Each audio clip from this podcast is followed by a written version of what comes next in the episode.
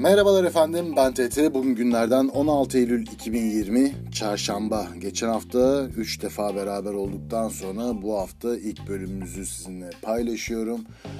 3 ee, bölüm çekmek geçen hafta biraz yordu açıkçası. Hani kafamı toparlayıp da hafta başından bir şeyler paylaşamadım.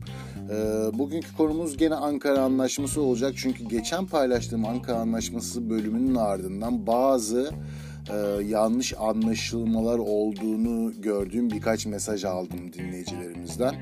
E, hem onları bir düzeltmek istiyorum hem de Ankara Anlaşması ile gene bağlantılı olarak İngiltere'de iş kurma konusuna değinmek istiyorum.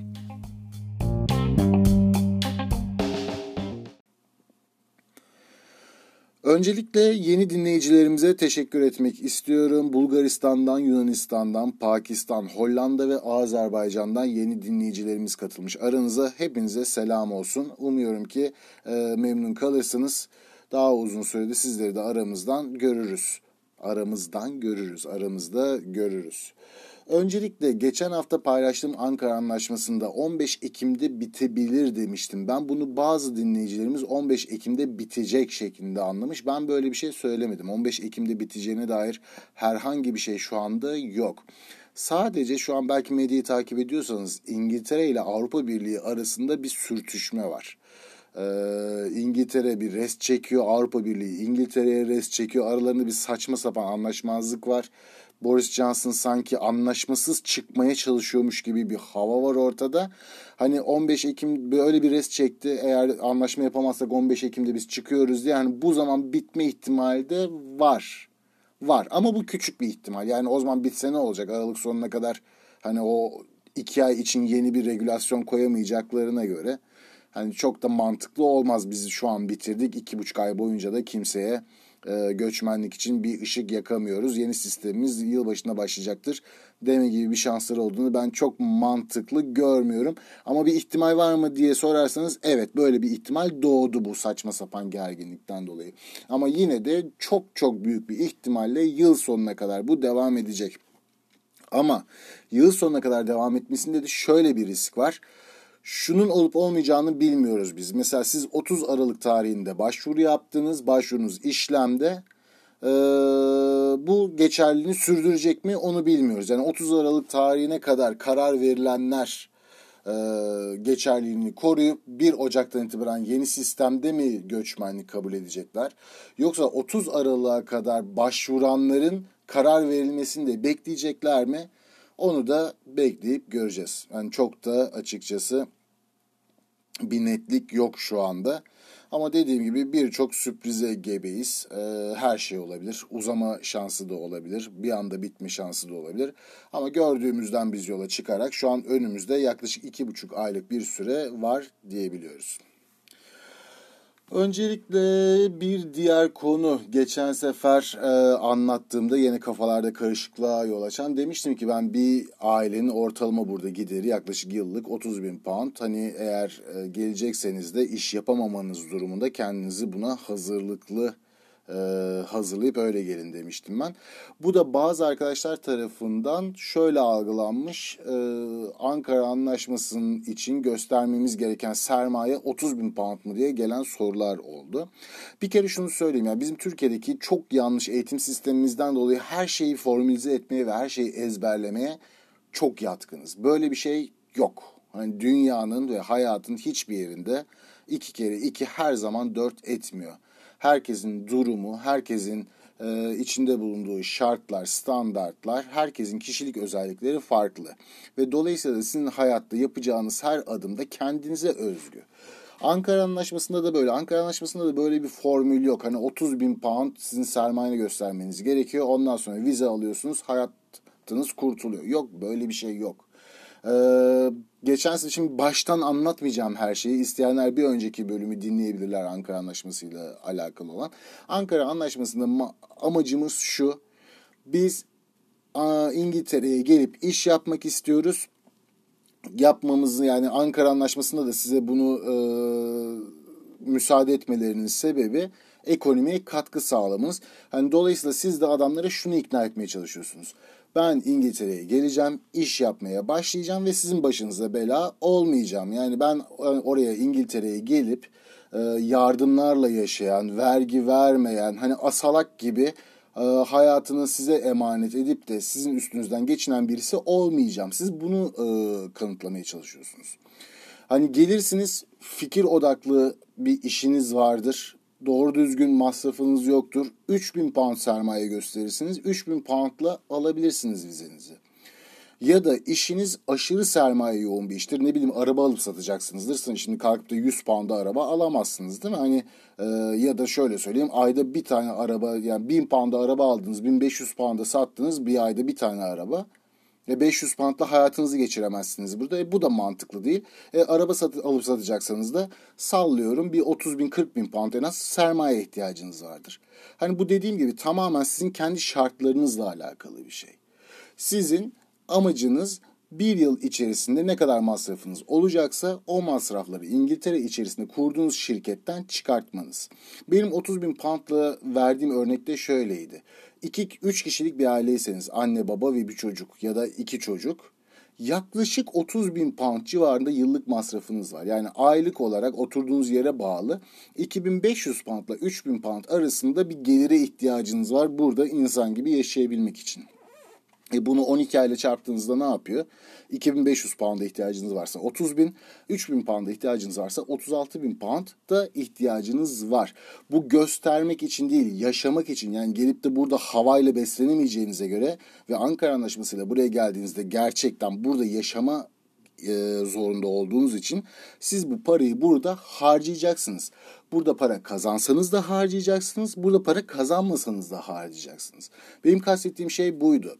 Eğer İngiltere içerisinde işlerin çok kötü gitmesi durumunda sizin yıllık 30 bin pound paraya ihtiyacınız var. Eğer cebinizde bu para yoksa ve burada gelip de işinizi kesinlikle e, çok hızlı ve kolay biçimde yürütmeye başlayacağınıza inanmıyorsanız bir daha düşünün dedim ben. Neden? Çünkü cebinizden bu parayı harcamak zorundasınız eğer burada yaşıyorsanız. Eğer para da kazanmıyorsanız. Para kazanıyorsanız problem yok. Kazandığınız parayı harcıyorsunuz. Bitti gitti. Ama bunun da bir garantisi yok. Hani dolayısıyla çok garantici bir insansanız bunu hazırlayarak gelmenizde ya da bunu göze almanızda fayda var. Ben mesela buraya gelirken neyi düşünmüştüm? Geçen bölümde de anlattığım gibi biz İngilizce konuşulan ülkelere bakıyorduk. Bu ülkeler arasında işte Amerika, Kanada 2 milyon, 3 milyon dolar civarında yatırım yaparsanız size e, oturum izni veriyor. E şimdi ben düşündüm e, İngiltere'de ben hiç iş yapamasam bile işte biraz önce size sunduğum formülü düşündüm açıkçası. E, hiç iş yapamasam bile benim yıllık 30 bin pound'a ihtiyacım var dedim. E, o zaman 4 yıldı e, indefinitely to remain e, yani kalıcı oturum izni. Kalıcı oturum izniniz olduktan sonra her şeyi yapabilirsiniz. Gidip isterseniz markette çalışın, isterseniz ne bileyim ayakkabı boyacılığı yapın. Yani olay tamamen size kalmış. Dolayısıyla biraz daha size esneklik tanıyor. Hani orada neyi düşünüyorsunuz? İşte kalıcı oturum izni olduktan sonra hayatımı ben bir şekilde idame ettiririm. Çünkü burası gerçekten işin bol olduğu bir ülke. Yani eğer iş seçmiyorsanız ya da kalifiye iş için kasmıyorsanız ne bileyim markette çalışmak olsun, otelde çalışmak olsun, barda çalışmak olsun yani böyle basit işler yapmak için bin tane opsiyonunuz var. Yani dolayısıyla çok mecbur kalırsınız. Hayatınızı idame ettirmek için bulabileceğiniz bir iş var eğer çalışma izniniz varsa. Ama Ankara anlaşmalıysanız tabii çalışma izniniz yok. Sadece kendi işinizi yapmak zorundasınız. İşte ben de buraya gelirken 4 yılda o zamanlar süre Indefinite Leader Remain için. Şu an 5 yıla çıktı bu. Dedim 4 yılda yılda 30 bin pound'dan 120 bin pound. Hadi böyle ilk taşıma masrafları vesaire falan bir 150 bin pound olsun. 150 bin pound'a ben kalıcı oturum izni alabiliyorum. Bir yıl sonrasında da vatandaşlık alabiliyorum. E, Kanada'nın, Amerika'nın 2 milyon, 3 milyon dolarlık yatırımlarıyla karşılaştırdığınızda hani bana çok mantıklı geldi. Ki bu dediğim gibi hiç iş yapamamanız durumunda. Hani iş yaptığınız kadarı da sizin yanınıza kar. Hatta daha güzel para kazanırsanız hani çok daha e, köşeye dönme ihtimaliniz bile var. Yani ben bunları düşünerekten e, İngiltere'yi çok mantıklı bulmuştum. Hani siz de Ankara Anlaşması ile gelirken düşüneceksiniz. Hani vize almanın e, hiçbir şey olduğunu göze alarak gelin. Çünkü Ankara Anlaşması'nın asıl zorluğu o 4 yıllık şu an 5 yıl oldu. O 5 yıllık süreyi geçirmek. O 5 yıllık sürede çünkü çok limitli iş yapma şansınız var. Hani kalkıp da bulduğunuz her işi yapamıyorsunuz. Neye başvuruyorsanız onu yapıyorsunuz. E, mesela sizin sektörünüz diyelim ki çok canlı değil, kötüye gitmeye başladı ya da işte şimdi korona oldu artık hiç kimse iş yapmıyor. E, devletten yardım da alamadınız ki alamıyorsunuz Ankara Anlaşması'nda genel olarak. E, ne yapacaksınız? Siz bunu cebinizden desteklemek zorundasınız.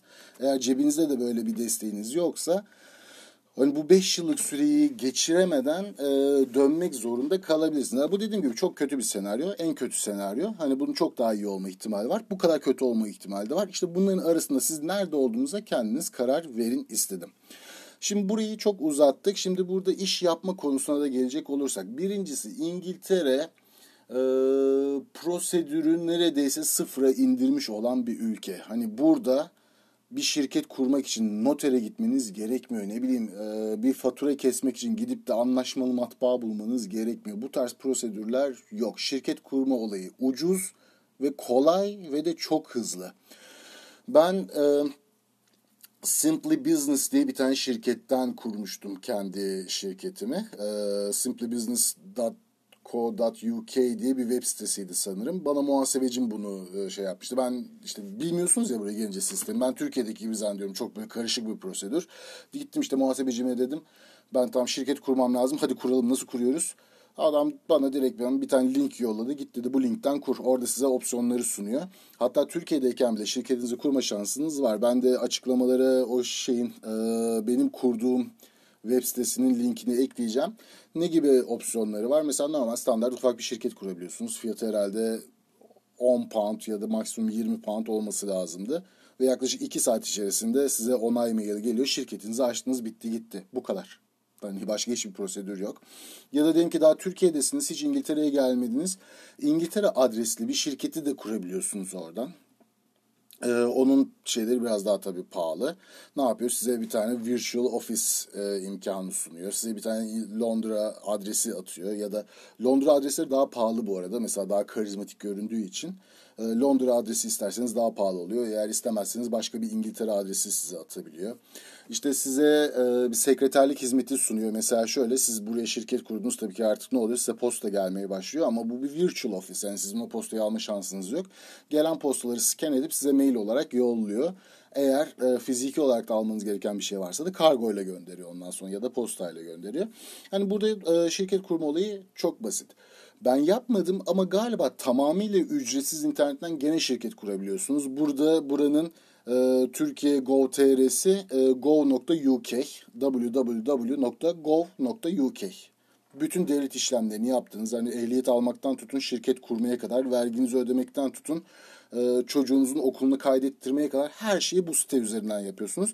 Ve İngiltere üzerindeki her türlü bilgiyi de buradan alabilirsiniz. Açıklamaları onu da koyuyorum şimdi. E, Go.uk'den de ücretsiz olarak galiba kendi şirketinizi kurabiliyor musunuz? Hiçbir prosedür yok. Şirketinizi kurduktan sonra hani e, ticarete başlamak için şirketinizi kurmaya beklemenize bile gerek yok. Öyle söyleyeyim size. Ve şirketinizi kurdunuz diyelim. E, siz diyelim ki sallıyorum şimdi Ekim ayında İngiltere'ye geldiniz ve şirketinizi Ocak ayında kurdunuz. Arada bir 3 aylık zaman var. Bu 3 ay boyunca yaptığınız masrafları da gene masraftan düşebiliyorsunuz. Hani şuna da gerek yok. Sen şirketi Ocak'ta kurmuşsun. İşte Ocak'tan itibaren faturaların geçerlidir diye bir şey de yok. Ya da aklınıza bir fikir geldi. Evinizde kek pişirip satmaya başlamak istiyorsunuz.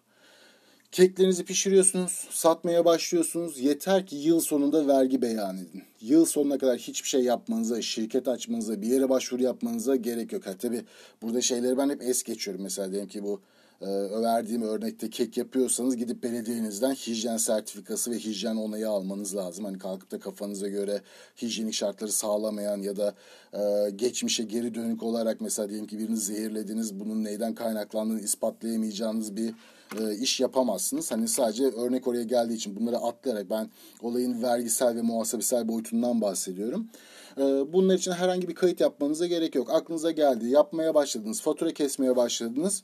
Yani fikir çok cazip oldu. Para kazanmaya başladınız. Yıl sonunda muhasebecinize diyorsunuz ki ben bunu bunu bunu yaptım. Hadi benim için bir şirket açalım ya da adi işletme, saf e, sol trader olarak e, benim vergi iademi, vergi başvurumu yap diyorsunuz. Ondan sonra geçmişe dönük olarak sizin kestiğiniz faturalar, masraflarınızı vesaire o yıl verginizi ödedikten sonra herhangi bir problem, herhangi bir prosedür yok.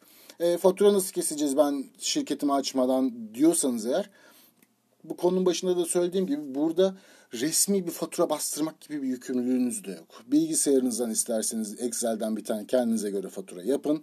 Onu kafanıza göre numaralandırın. Hani onun belli bir sırada olmasına da gerek yok. Kafanıza göre numaralandırın.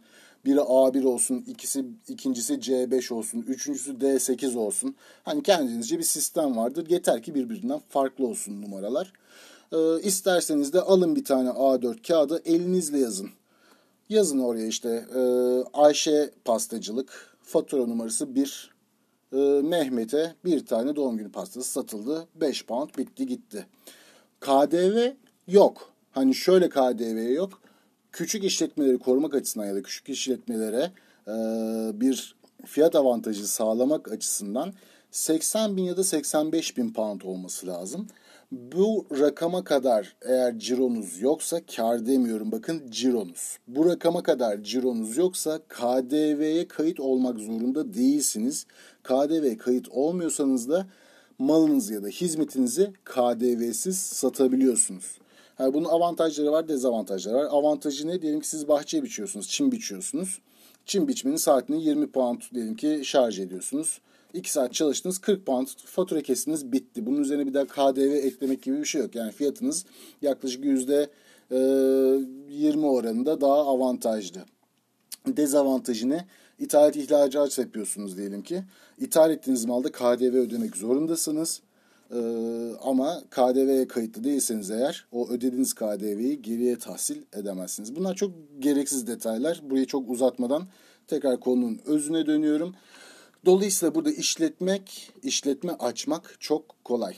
Ee, olayın vergi boyutuna gelecek olursak da hepsinin kendine göre avantajları ve dezavantajları var, dezavantajları var.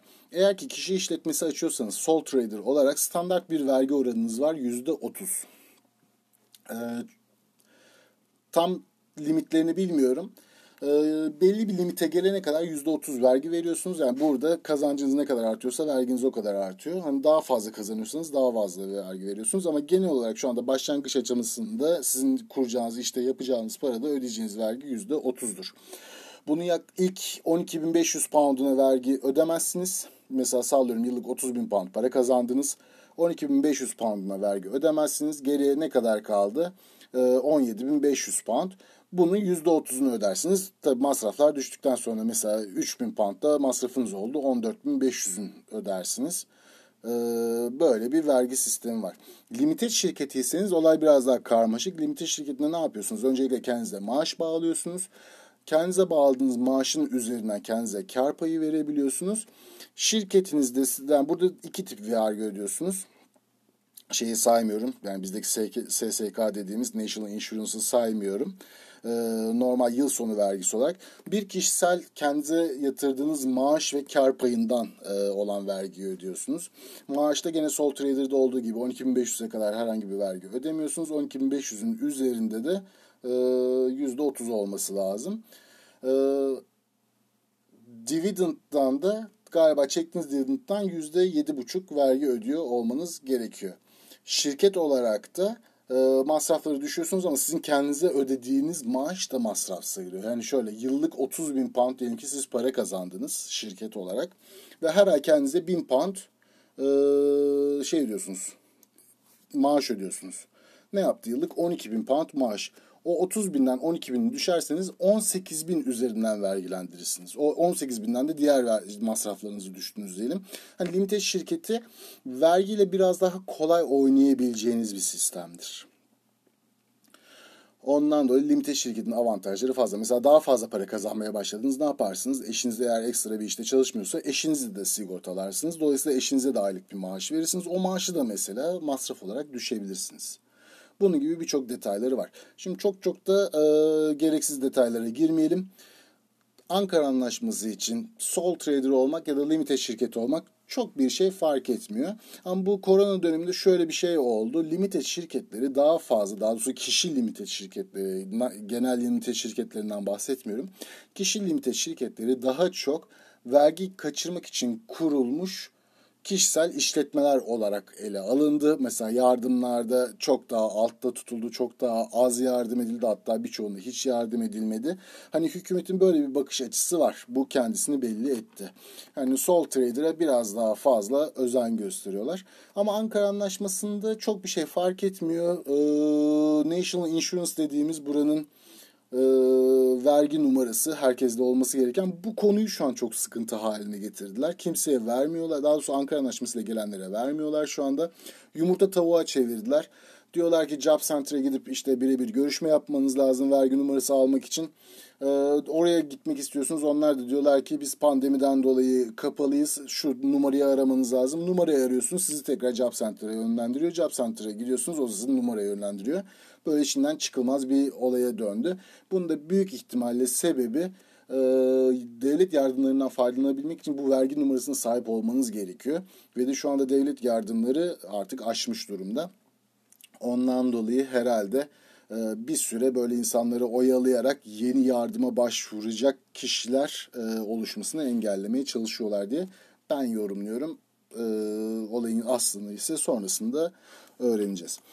Kısaca toparlamak gerekirse Ankara Anlaşması hala avantajlı. Yılbaşından itibaren bambaşka bir sisteme girilecek ve Ankara Anlaşması'na tabi olan bizlerin de hatta dünya üzerinde artık hiçbir ülke ayırt etmeksizin herkesin bu sisteme dahil olacağından bahsettiler.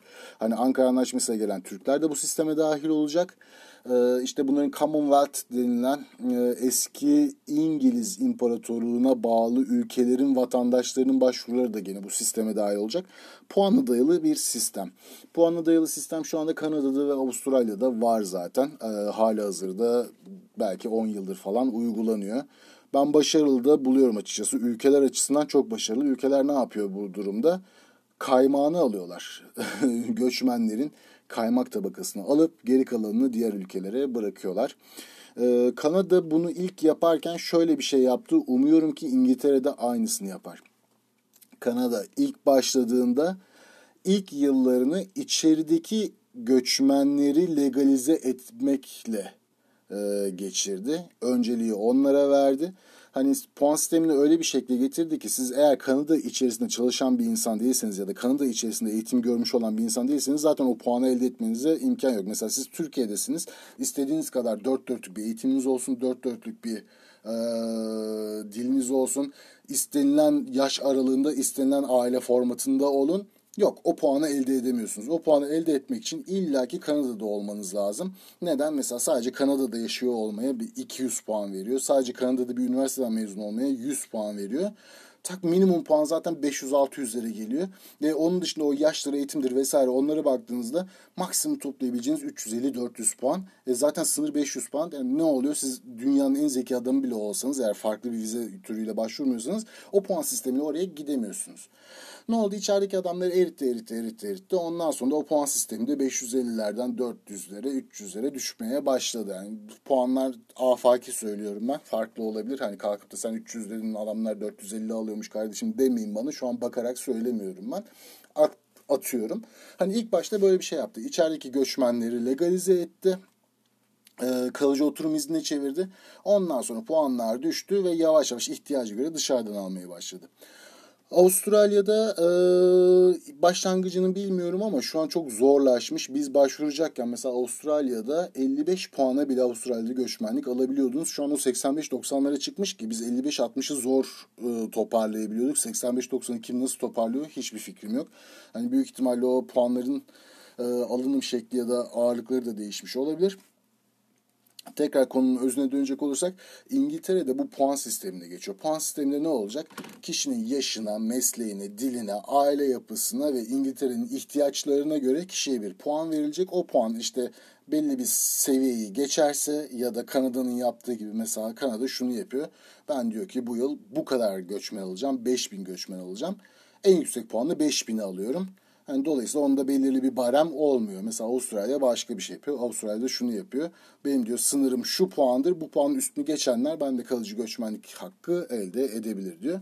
İngiltere'nin o konuda ne yapacağı şu an çok daha net değil.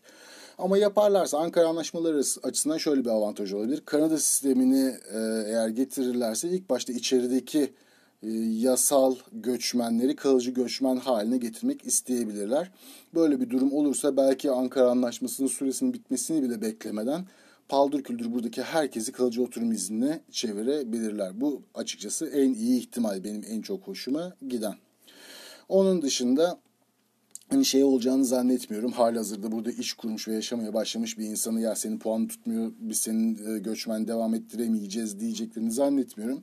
Ya aynı şekilde devam ettirecekler o zaman Ankara Anlaşması'nı. Eldekiler komple kalıcı vatan e, kalıcı çalışma iznine kalıcı oturma iznine döndükten sonra e, Ankara Anlaşması da artık tamamıyla tarih olacak.